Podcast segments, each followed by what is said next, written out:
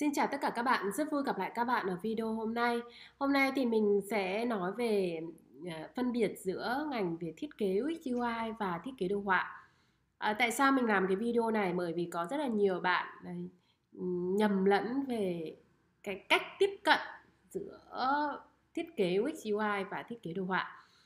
À, bởi vì có thể xuất phát của các bạn đó là về thiết kế đồ họa. Và khi chuyển sang về thiết kế UI thì các bạn cũng sẽ tiếp cận cái vấn đề đó giống như các bạn tiếp cận cái lĩnh vực về thiết kế đồ họa. À, ngay cả đối với cả những người xung quanh chúng ta à, những người về không làm trong cái lĩnh vực về thiết kế thì khi nói đến cái từ thiết kế thì người ta sẽ nghĩ rằng thiết kế là vẽ. Thiết kế là bạn sẽ phải sử dụng công cụ để các bạn vẽ.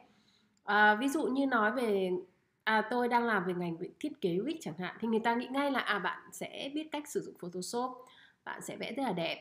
À, bởi vì cái từ thiết kế nó gắn liền với những cái người làm về thiết kế kiến trúc thiết kế đồ họa từ rất lâu rồi. Do vậy những cái ngành đấy thì thường là chúng ta chỉ nhìn thấy cái uh, cái giao diện cái sản phẩm cuối cùng mà họ đạt được thôi. Uh, khi mà mình dạy ở trong trường đại học À, thì một số bạn ờ, khi mà các bạn học về trong riêng, riêng trong lĩnh vực về thiết kế UI thì các bạn ấy sẽ được chia ra thành rất nhiều các môn nhỏ. À, cái môn đầu tiên mà các bạn tiếp cận đó là về môn về các cái các các bạn sẽ được học về các cái nguyên lý về thiết kế hoặc là quy trình làm thiết kế UX UI thôi thì 2 phần 3 cái lượng thợ kiến thức trong cả một cái kỳ đấy thì các bạn ấy sẽ chỉ học về lý thuyết mà thôi đấy à, đến sau thì các bạn mới chỉ gọi là bắt tay vào uh, biết đến về về công cụ để các bạn tạo ra hình ảnh các bạn vẽ ra vẽ phác thảo ra thôi.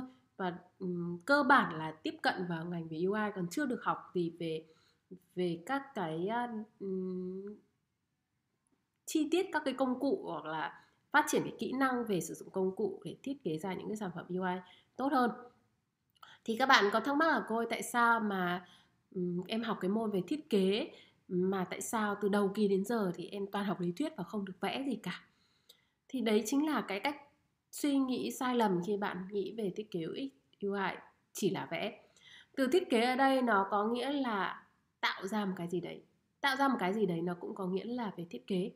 Vậy thì chúng ta hãy cùng tìm hiểu sự khác biệt giữa thiết kế UX UI và thiết kế đồ họa nhé.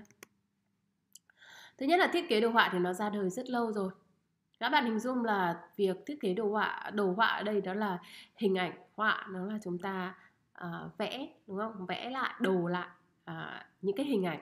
Ví dụ chúng ta có thể sử dụng công cụ Photoshop hoặc là chúng ta sử dụng công cụ Illustrator để chúng ta tạo ra hình ảnh. Photoshop để chúng ta uh, cắt ghép những cái hình ảnh này sử dụng các cái hiệu ứng về hình ảnh để tạo ra một cái hình ảnh uh, mới. Thì đấy là thiết kế đồ họa và những cái hình ảnh mới này nó dùng để truyền tải một cái thông điệp nào đó đến người xem. Tức nó chỉ là một cái bức ảnh chúng ta tạo ra một cái bức ảnh mới đúng không? dựa trên những cái bức ảnh có sẵn để chúng ta tạo ra một bức ảnh mới. Hoặc là chúng ta vẽ tự vẽ ra những cái uh, chi tiết tự vẽ ra những cái cái đường nét để tạo ra một cái bức ảnh truyền tải thông tin đến người xem. Chúng ta mục tiêu của chúng ta đó là chỉ cần truyền tải được thông tin đến người xem thôi. À, Thì thường thì đối với cả những người làm thiết kế đồ họa các bạn sẽ cần phải học gì ạ? Các bạn cần phải tập trung vào tính mỹ thuật. Các bạn sẽ phải học về mỹ thuật, học về những cái nguyên tắc về màu sắc, về phối màu, về bố cục, về hình ảnh và về kiểu chữ để các bạn có thể phối những cái đối tượng đấy thành một cái bức ảnh nó truyền tải được thông điệp đến người xem và nó rất là thân thuộc với các bạn đó là những cái sản phẩm về thiết kế đồ họa nó gắn liền với những cái ngành về marketing về truyền thông về in ấn À, ví dụ chẳng hạn cứ tôi có một cái sự kiện nào đấy thì cần phải những cái người làm thiết kế poster về banner để tôi có thể quảng bá ở ngoài trời hoặc là tôi quảng bá trên các cái trang web à, để cho cái người khác họ có thể nắm bắt được cái thông tin về cái sự kiện của tôi. Đấy, hoặc là tôi uh, quảng cáo về một cái nhãn hàng một cái sản phẩm nào đó. Đấy thì đấy là nó liên quan đến những cái ngành về mục tiêu của nó là để truyền tải thông điệp đến người xem để truyền tải những cái uh, nội dung đến cho người xem làm thế nào để người ta tiếp cận được thông tin của mình. Và kết quả của nó là những cái hình ảnh, đúng không ạ? Các bạn có thể hình dung đó là những cái poster phim hoặc là poster về sự kiện hoặc là những cái banner quảng cáo à, xuất hiện trên các cái website. Thì đấy là công việc của thiết kế đồ họa. Vậy thì các bạn đi học về thiết kế đồ họa, các bạn sẽ học gì? Công cụ để giúp các bạn liên kết các cái đối tượng thiết kế vào. Các bạn được học về mỹ thuật, các bạn được học về phối màu, về màu sắc về các loại bố cục về cách để các bạn có thể sắp xếp các đối tượng vào trong một bố cục cụ thể nào đó ví như khổ A4, khổ A2 hay là khổ giấy nào đấy. Và các bạn dược học về công cụ để các bạn có thể uh, tạo ra những cái hình ảnh đó uh, cắt ghép những cái hình ảnh đó sử dụng các cái filter sử dụng các cái hiệu ứng để tạo ra một cái hình ảnh hấp dẫn truyền tải được thông điệp. Thì đấy là cái công việc của thiết kế đồ họa và cách tiếp cận để các bạn học cái môn về thiết kế đồ họa và học về lĩnh vực thiết kế đồ họa. Thế thì sang thiết kế UX UI nó khác gì ạ? Cái mà các bạn cần phải tiếp cận đầu tiên đó là nó không phải là đơn giản chỉ là mỹ thuật. Đơn giản không phải chỉ là các bạn học về màu sắc, học về công cụ. Thiết kế UX UI nó không chỉ đơn giản là hình ảnh, mà nó còn nhiều thứ khác bạn phải quan tâm nữa à, ví dụ chẳng hạn như bạn phải quan tâm đến người dùng bạn phải quan tâm đến tâm lý người dùng à, bạn cần phải quan tâm đến à, những cái dữ liệu về người dùng hay là bạn phải phân tích bạn phải biết quan sát. Đó, rất nhiều thứ mà bạn cần phải học. À, bởi vì cái thiết kế UX nó là tạo ra những cái giải pháp về chức năng dịch vụ cho các sản phẩm. Nói về UX à, tôi tạo ra cái chức năng này. Thì đấy chính là tính UX ở đấy rồi đúng không ạ? À, tôi có ý tưởng là xử lý cái tình huống này như thế này. Đấy chính là thiết kế ích tức là bạn có những cái giải pháp uh, về uh, tính năng về chức năng của cho cho một cái sản phẩm và dịch vụ để khiến cho cái người dùng họ trải nghiệm cái sản phẩm của bạn. Họ cảm thấy yêu thích cái sản phẩm đấy. Họ cảm thấy thỏa mãn với những cái gì họ nhận được. Vậy thì làm thế nào để bạn có thể học được cái môn này? Chắc chắn là bạn cần phải học về lý thuyết, bạn cần phải học về người dùng, bạn cần phải học về những cái yếu tố tác động đến cái quá trình làm thiết kế UX, cái tác động đến cái vấn đề về ờ, thiết kế, về chức năng, về dịch vụ ờ, về về những cái ừ, ngữ cảnh sử dụng của người dùng. Do vậy các bạn cần phải học về lý thuyết. Thế còn nói về thiết kế UI nếu như bạn chỉ làm về lĩnh vực thiết kế UI thì UI nó liên quan đến giao diện về mặt hình ảnh à nó có cái đường hình ảnh đây rồi thì chắc chắn là các bạn sẽ sử dụng công cụ thiết kế để tạo ra hình ảnh nhưng nó cần phải đảm bảo được rằng là người dùng họ có thể tương tác với cái sản phẩm đấy và trải nghiệm được các cái chức năng và dịch vụ mà bạn cung cấp À, bạn tại sao bạn đặt những cái nút này ở đây? Tại sao cái nút này bạn cần phải đặt to? Tại sao cái nút này bạn cần phải đặt nhỏ? Tại sao nút này bạn cần phải uh, làm nó nổi bật hơn các cái nút khác?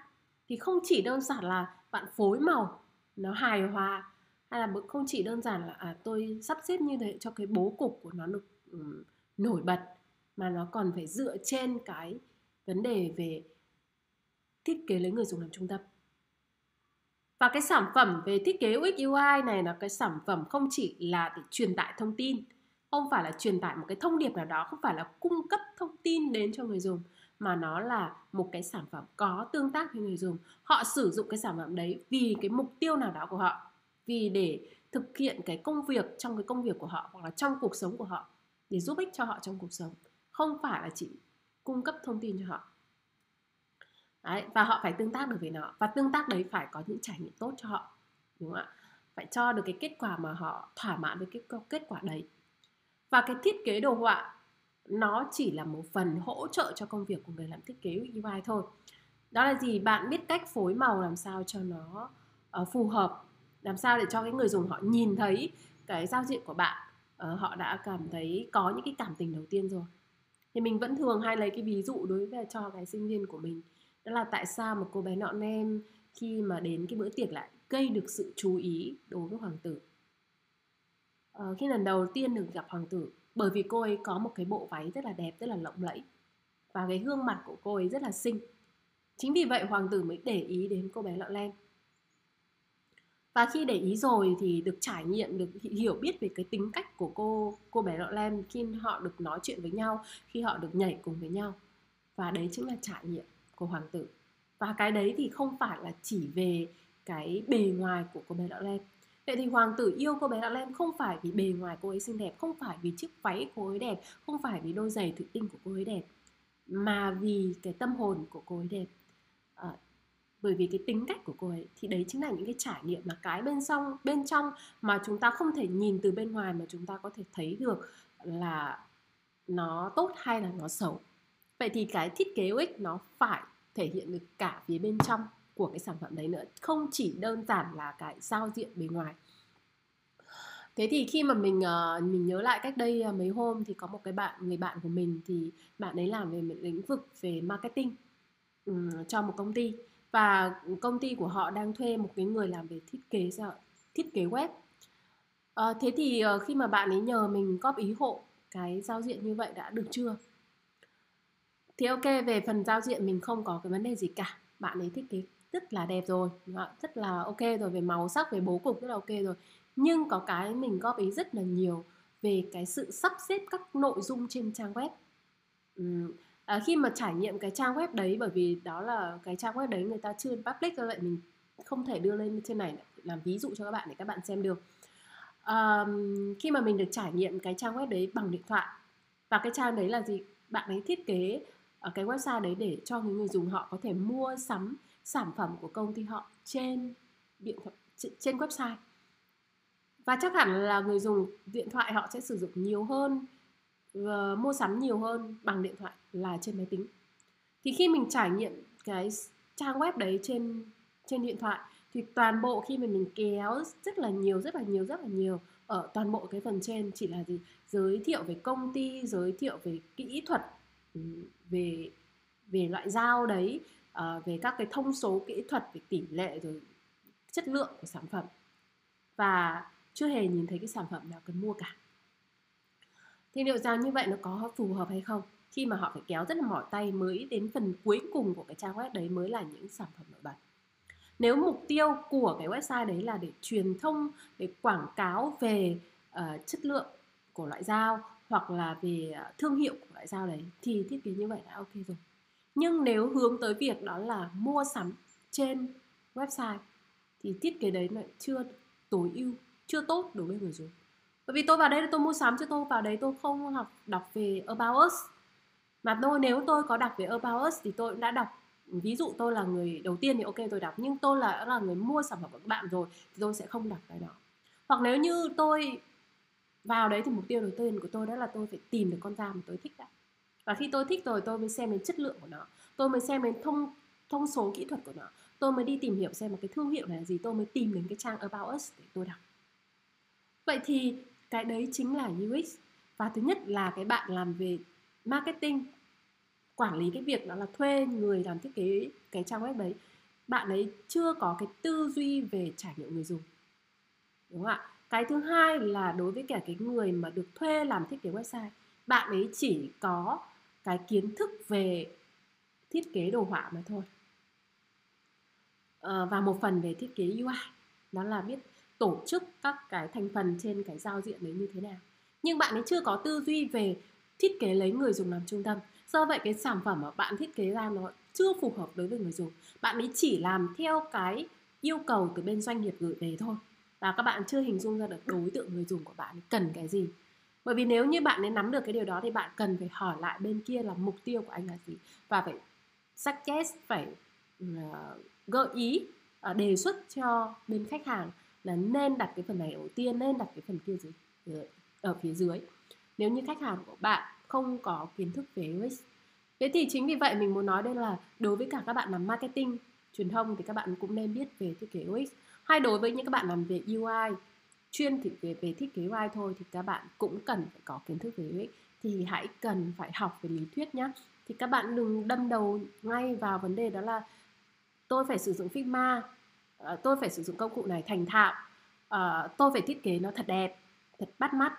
Nó chưa phải là cái cuối cùng mà bạn đạt được đâu và bạn cần phải có những kiến thức về lý thuyết nữa những cái kiến thức về về về nguyên lý thiết kế nữa. Thế thì nói về công cụ thiết kế giữa hai cái loại này đối với cả graphic design thì rất là quen thuộc rồi. Đây mình không liệt kê tất cả mọi thứ đâu. Mình chỉ liệt kê một số cái tượng trưng thôi. Đó là đối với cả công cụ về thiết kế graphic design các thế đồ họa thì chúng ta rất là quen thuộc với Photoshop và Illustrator rồi. Thế còn đối với những bạn làm về UX UI design thì người ta đã tạo ra những cái công cụ đặc biệt đặc trưng cho những người làm về thiết kế UX UI. Tất nhiên là bạn làm Photoshop bạn cũng thiết kế được website.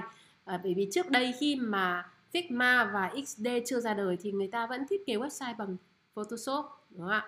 Nhưng bây giờ khi mà các cái công cụ thiết kế tối ưu dành cho những người làm thiết kế UX UI thì nó đã có rồi và chúng ta chuyển sang những cái công cụ này. Figma, XD rồi Sketch có rất nhiều các công cụ để các bạn lựa chọn. Và các bạn học công cụ nào cũng được thôi.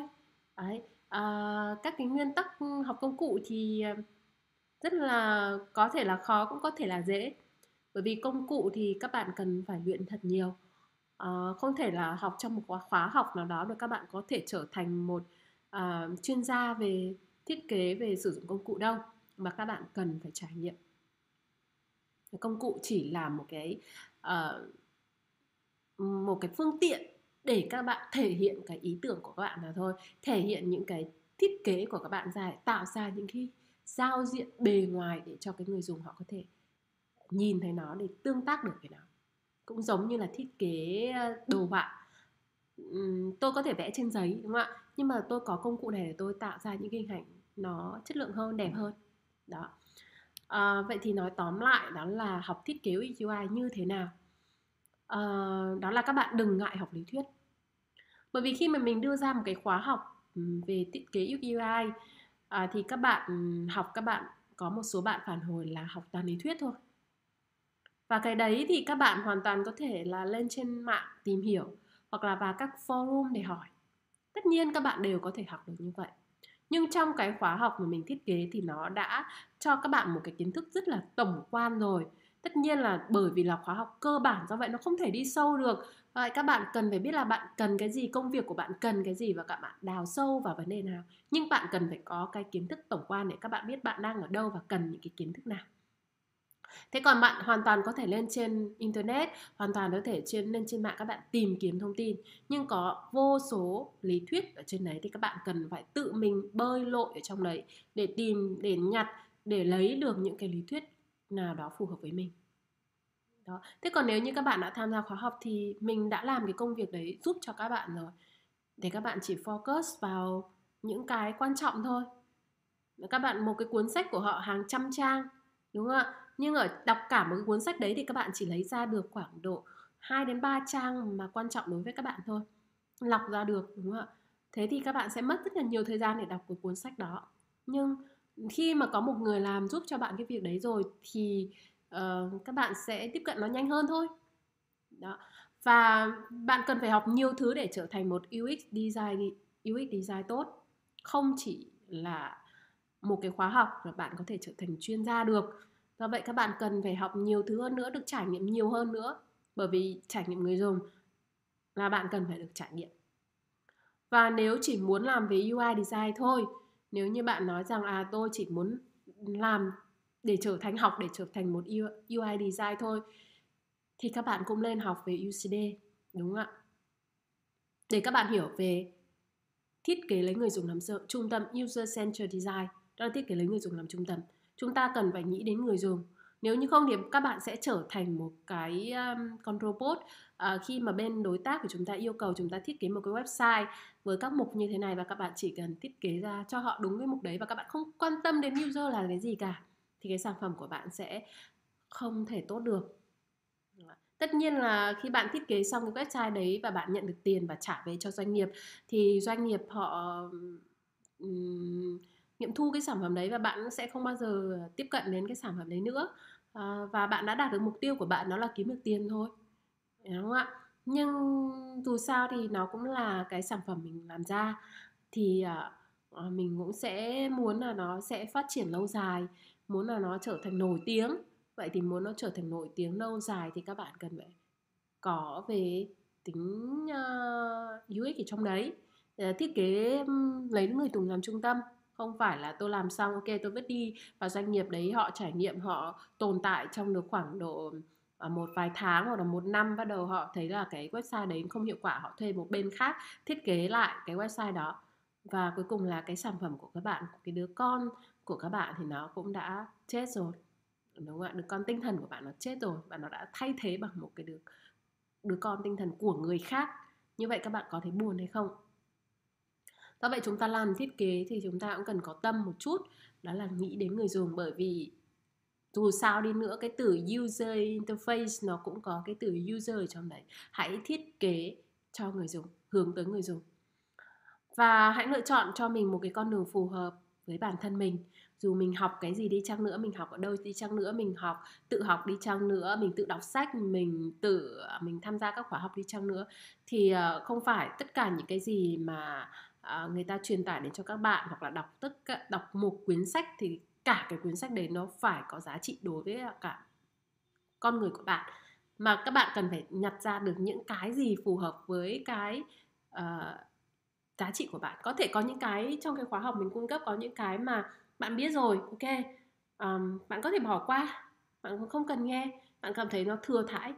Nhưng đối với người khác họ chưa biết đến cái vấn đề đấy thì họ cảm thấy nó rất là quan trọng nhưng có thể trong cái khóa học của tôi uh, có những cái bạn chưa từng nghe thấy. Chỉ có một số cái những các bạn chưa từng nghe thấy thôi. Thì nó lại có giá trị với các bạn đúng không ạ? Thì đừng đánh giá một cái một cái khóa học ừ, đơn giản chỉ là nó đã ừ, đáp ứng tất cả mọi thứ của bạn hay chưa. À, bởi vì nó có thể tiếp cận đến nhiều cái đối tượng người học khác nhau. À, do vậy sẽ có những cái mà bạn biết rồi và có những cái mà bạn chưa biết hoặc là nếu như bạn biết tất cả mọi thứ rồi thì bạn cũng sẽ không cần thiết thiết phải học cái khóa này nữa. Và bạn có thể học ở một cái phương pháp khác. Đấy, thì hãy lựa chọn cho mình một cái con đường phù hợp để mình đi. Mình cần phải biết mình ở vị trí như thế nào và mình lựa chọn con đường như thế nào để mình đi. À, mình lựa chọn cái phương pháp nào để mình tiếp cận. Đấy là những cái mà mình muốn chia sẻ với các bạn khi mà các bạn muốn tiếp cận đến cái ngành về thiết kế UX UI à, và đặc biệt là đối với những cái bạn đã từng học và từng làm về thiết kế đồ họa thì hãy à, hình dung ra được thiết kế UX UI nó khác với cả thiết kế đồ họa như thế nào. Đó là những cái gì mà mình muốn chia sẻ trong video này. Mình hy vọng rằng là những cái vấn đề này nó có ích với cả các bạn. Và hẹn gặp lại các bạn ở những cái video lần sau của mình nhé. Tạm biệt các bạn.